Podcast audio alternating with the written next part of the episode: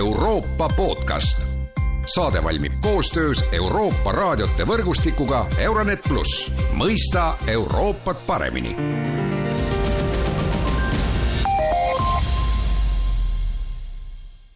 tere jälle kuulama Euroopa podcasti. jaaniaeg hoidis Eesti ja ka muu maailma meeli ärevil erasõjaväefirma Wagneri ja selle juhi Jevgeni Prigožini mäss Venemaal. Mis võiks olla mässu taga, seda aitab tänases Euroopa podcastis lahti rääkida julgeolekuekspert Erkki Koort, tere päevast! tere päevast! ja mina olen Erkki Pahovski. no sa kirjutasid värskelt Postimehes, et äh, sinu arvates on tegemist sellise suure lavastusega ja maskirovkaga ja Venemaal on ajaloos ka selliseid näiteid, kus äh, siis jälle mingisuguse sündmuse tegelikke eesmärke on õnnestunud edukalt varjata ja, ja, ja teisi riike ja pealtvaatajaid siis suurepäraselt hämada. Aga, aga miks sa niimoodi arvad, miks, miks see Prigožini avantüür võis olla pigem selline lavastus kui tõsine riigipöördekatse? Seal on kaks asja, esiteks on äh, see, et äh, täna ainus saadaolev info, mis on avalikus ruumis kasutada, on äh, Kremli info Kremli jutupunktid.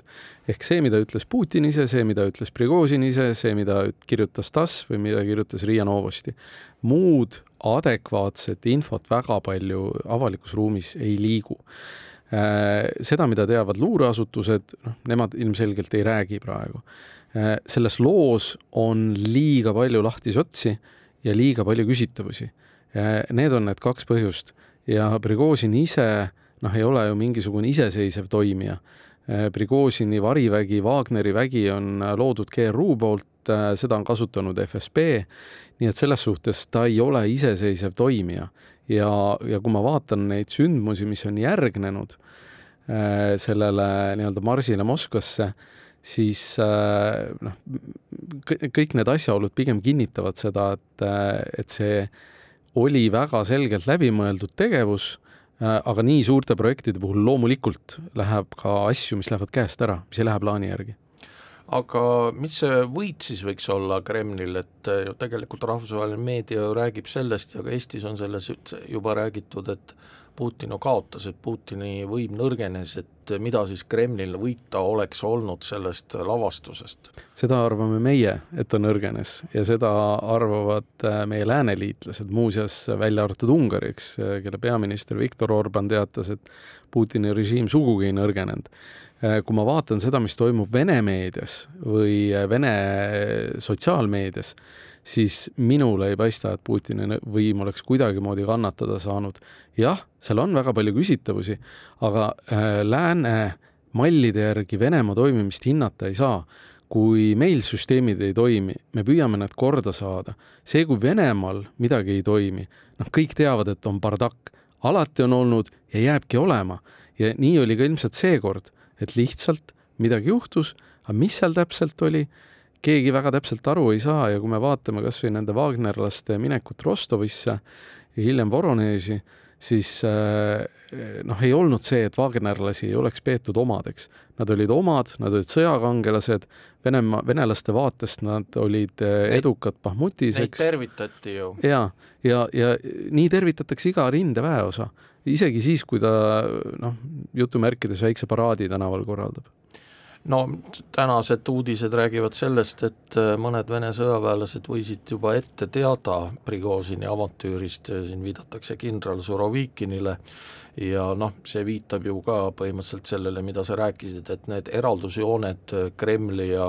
ja Wagneri vahel ei ole nii selged ja võib-olla ka sellepärast ei ole ju ka mingisuguseid karistusi ju väga välja kuulutatud, et eh, noh, kui ma mõtlen sellele, ma isegi kirjutasin sellest, et eh, nii-öelda need Vene opositsionäärid, Karamursa ja, ja Navalnõi on saanud eh, täiesti absurdsete süüdistuste põhjal rangeid vanglakaristusi, aga vi-, Prigožin ju tegelikult ka reaalselt juba mm -hmm. ju põhimõtteliselt oli terroriorganisatsiooni loomise taga ja see terroriorganisatsioon tegutses Venemaal ja praegu me räägime ikkagi sellest, et et noh, ta on Valgevenes ja noh, me siis vaatame edasi?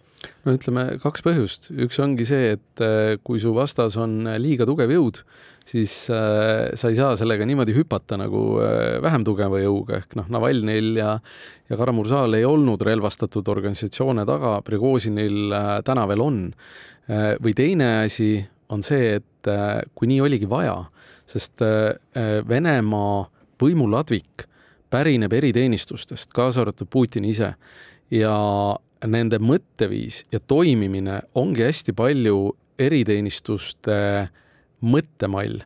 ehk noh, kui me vaatame, mida Putin on aastakümneid teinud, see, et ta oma rahvale valetas, see ei olegi nii suur probleem kui see, kui ta valetas silmagi pilgutamata lääne liidritele ja need uskusid uskusid seda, et Venemaa ei ründa Ukrainat, uskusid seda, et Venemaa pole seotud Krimmi ülevõtmisega ja nüüd usuvad seda, et Venemaal oli mingisugune mäss. ma olen äh, täiesti veendunud, et äh, seal oli mängus Kremli käsi, millises ulatuses ja, ja millistes, millises hetkes võib-olla hakkasid need äh, plaani osad autonoomselt tegutsema, noh, seda on täna väga keeruline öelda Äh, ma olen täiesti kindel, et ka Putin ise teadis sellest mingil kujul, sest üks kaks-kolm nädalat tagasi hakkas Putin oma esinemistes paistma ääretult ebakindlam, kui ta oli tavapäraselt. ja nüüd on see ebakindlus kadunud.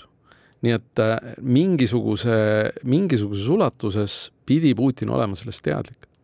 No Prigožin on Valgevenes väidetavalt ja, ja küsimus ongi, et miks ta seal on, et kas siis see Valgevene diktaatori Aleksandr Lukašenko nii-öelda vahendusmissioon äh, tõi siis Lukašenkole mingeid punkte või võib jälle spekuleerida, et kas Wagnerit siis äh, kasutada Valgevenest äh, ründ-, Ukraina ründamisel, niimoodi siis, eks ole, et Valgevene ise ju tegelikult ei pea sõtta astuma, Lukašenko ei ole tahtnud äh, sõtta minna, aga Wagner on ju nagu selline poolsõjaväeline organisatsioon ja, ja nii edasi, seda me nägime ju ka kaks tuhat neliteist, kui Venemaa võttis üle Krimmi, et Vene sõjavägi, Vene sõjaväge justkui seal ei olnudki, olid, olid mingisugused rohe, rohelised mehikesed, viisakad inimesed ja nüüd need viisakad inimesed on siis Valgevenes äkki? jaa, ega me ei tea, mis on nende eesmärk, et mäletatavasti äh, mõni aasta tagasi Valgevene KGB pidas kinni äh, suurusjärgus kolmkümmend Wagnerlast, kes pidid sõitma siis Valgevenest edasi missioonipiirkonda, et toona tekkis Wagneriga konflikt.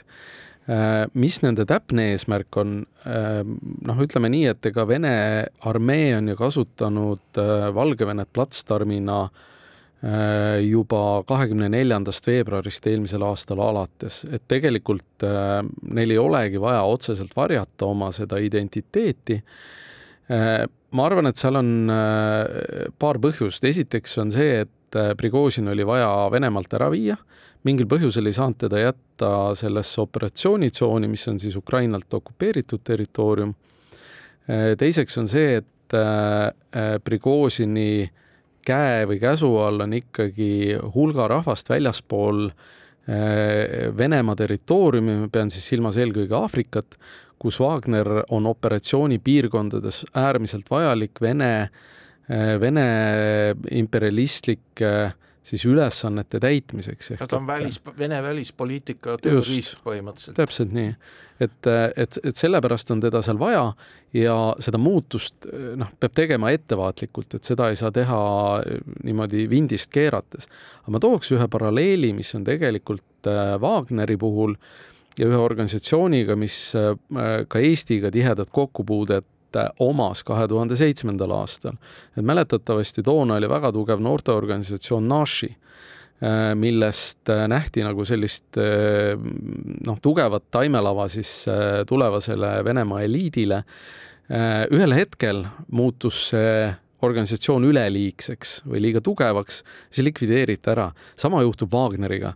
küsimus on ainult sellises, millisel kujul ja, ja mina olen täna veendunud, et Prigožin äh, Äh, vaatamata sellele, et ma arvan, et ta oli plaani osa, äh, et noh, kuna ta teab liiga palju ja on liiga sõnakas, siis ta on ka ohtlik, nii et ma arvan, et ta mingi aeg äh, kas vaikselt või, või, või suurema pauguga lihtsalt likvideeritakse ära, on siis autoõnnetus või tee joomine no kas NATO idatiiva riigid peaksid olema nüüd tähelepanelikumad, on ju räägitud ka sellest, et Wagner ei lähe mitte Ukraina peale, vaid ta keerab otsa nagu teisele poole ja, ja liigub siis kas Baltimaadesse või Poolasse?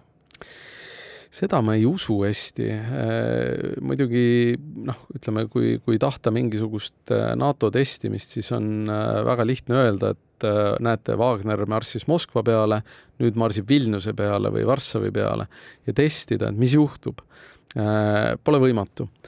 aga äh, noh, ütleme niimoodi, et minu arust Euroopa on olnud sellises äh, uinunud olekus juba, juba mõnda aega ja, ja Euroopasse on tegelikult suures koguses saabunud Venemaalt mobilisatsiooni ja, ja nii-öelda sõja eest põgenenuid, kelle hulgas kindlasti on arvestatav hulk Vene eriteenistuste kas töötajaid või agente. No siit edasi ongi küsimus, et mida siis nüüd Eesti peaks tegema, et äh, me oleme tugevdanud oma piirivalvet, äh, jälgime piiri ületamisi varasemast rohkem, aga noh, siin on juba räägitud sellest, et võib-olla peaks tegema nagu Läti, eks ole, et Läti ei anna enam viisasi Vene kodanikele just äh, selle Wagneri avantüüri tõttu, et ja Eesti on praegu öelnud, et äh, selles plaanis mingit muutust ei ole, et kas me peaksime nagu Lätiga tegema, tegema nii nagu Läti, peaksime võib-olla koordineerima kõike seda tegevust siis nende piiririikide vahel ja nii edasi? Mina, ma arvan küll äh, selles suhtes, et, äh, et me oleme ikkagi nii üks regioon, et Lätist või Eestist üle piir, piiriülesed mõjud on vastastikused. et meil ei ole, noh, me võime küll näha ennast, eks Tallinn, Riia, Vilnius, aga väljaspoolt vaadates oleme me väga üks territoorium, väga üks operatsiooniala. Ja, ja noh, siin on ka öeldud, et piiri valvamist on eks tugevdatud, ma arvan, et see on väga õige otsus, piiri väljaehitamist on kiirendatud, aga noh, ma pean tunnistama, et minul oli küll eilsest siis Delfi portaalist kummastav lugeda kaitse- ja välisministri arvamust, et oh, see oli business as usual, et mitte midagi justkui ei juhtunudki ja muretsemiseks pole põhjust, sest see toimus kusagil Rostovis ehk teisel pool Moskvat. noh, meenutagem, et äh, Wagneril on ka väga suured huvid siinsamas Peterburis ja äh, kas siis nii-öelda endisi Wagnerlasi on, äh, on ka meie regioonides, meie regioonis kaasa arvatud Pihkvas. Nii et minu jaoks see oli nagu üllatav, et, et ei, seda ei maksa võtta business as usual. Jah, ma arvan, et äh, Venemaal on asju, mis äh, äh, ütleme nii, et kuigi ma olen arvamusel, et see oli ikkagi väga suuresti eriteenistuste esile kutsutud sündmus, olen ma täiesti kindel, et sellel on pikaajaline mõju Vene ühiskonnale. see on aeglasem, kui me eeldame, aga, aga ta on kindlasti olemas. kas Euroopa peaks ka midagi tegema, kuidagi reageerima, kas see oli ka noh, Ukraina sõda on, seda on väga banaalne öelda, oli äratuskell Euroopale, kas nüüd Wagner oli selline teine äratuskell? Äh, Wagneri häda on see, et ta varjutas Ukraina sõja kohe või sõja Ukrainas, et, äh, et ikkagi inimeste ja poliitikute meeled äh, läksid kohe Moskvas toimuva peale mis ongi noh, strateegilises plaanis ju väga selge kasu, kas see oli planeeritud kasu või mitte.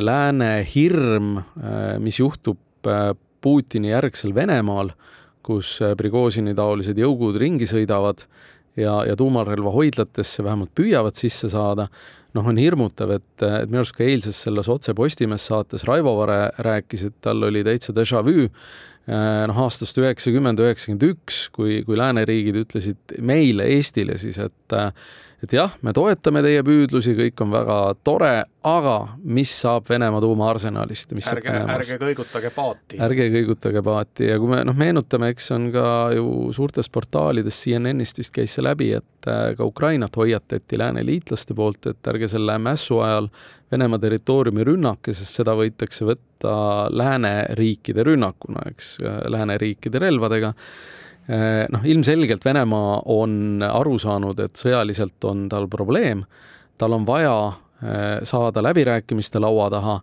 noh, minu arvates see mäss on väga eh, kuidas ma siis ütlen, selge tee või selge võimalus tekitada siis selline Euroopa pealinnades ootus Venemaaga läbi rääkida, et ka Venemaal võimu üleminek oleks stabiilne, mis noh, osade arvates vähemalt võiks kindlustada siis ka stabiilsuse tuumarelvade osas.